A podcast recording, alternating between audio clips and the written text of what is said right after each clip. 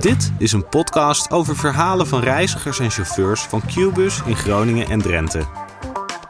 Het volgende verhaal is van Betty Boersma, buschauffeur bij Qbus in Groningen. Met het raam wagenwijd open reed ik in de zomer van 2017 op lijn 7 naar de Weijert.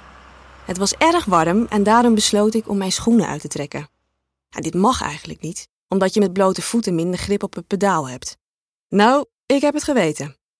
Als ik net 10 minuten mijn schoenen uit heb, zie ik ineens twee politiebussen achter mij rijden. Ik gebaar dat ze me mogen inhalen, maar tot mijn verbazing blijven de agenten achter me rijden. Wanneer ik weer voor me kijk, zie ik een derde politiebus met hoge snelheid op me afkomen. Een agent gebaart dat ik moet stoppen en parkeert zijn bus voor de mijne. Ik kan geen kant op. Ik zie hoe dertig agenten met getrokken wapens mijn bus omsingelen. Oh nee, is mijn eerste gedachte. Ze hebben ontdekt dat ik met blote voeten rijd.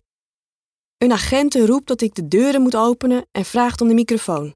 Ze roept via de luidspreker: Iedereen, handen omhoog! Ik voel me overdonderd en doe mijn handen snel omhoog. Door alle hectiek kan ik niet goed nadenken en ik denk nog steeds aan mijn blote voeten. Hier eindigt mijn 35-jarige carrière bij Cubus. In een oogwenk staat mijn hele bus vol agenten. Ze rennen naar achteren en grijpen drie jongens die op de achterbank zitten. Het gaat ontzettend snel. Binnen een minuut zijn alle agenten weer verdwenen.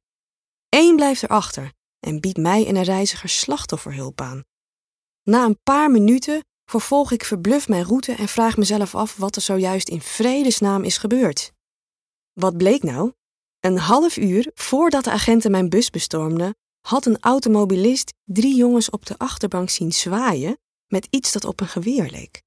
In dat jaar werden er wereldwijd veel aanslagen gepleegd en stond de politie op scherp. Achteraf bleek het om een onschuldige waterpijp in de vorm van een Kalashnikov-geweer te gaan, en niet om mijn blote voeten. Inmiddels werk ik alweer 39 jaar met veel plezier op de bus. In al die jaren heb ik veel meegemaakt, maar deze gebeurtenis is mij toch wel het meest bijgebleven. Ik ga over twee jaar met pensioen. En die tijd rijd ik met veel plezier uit. Maar ik houd mijn schoenen aan.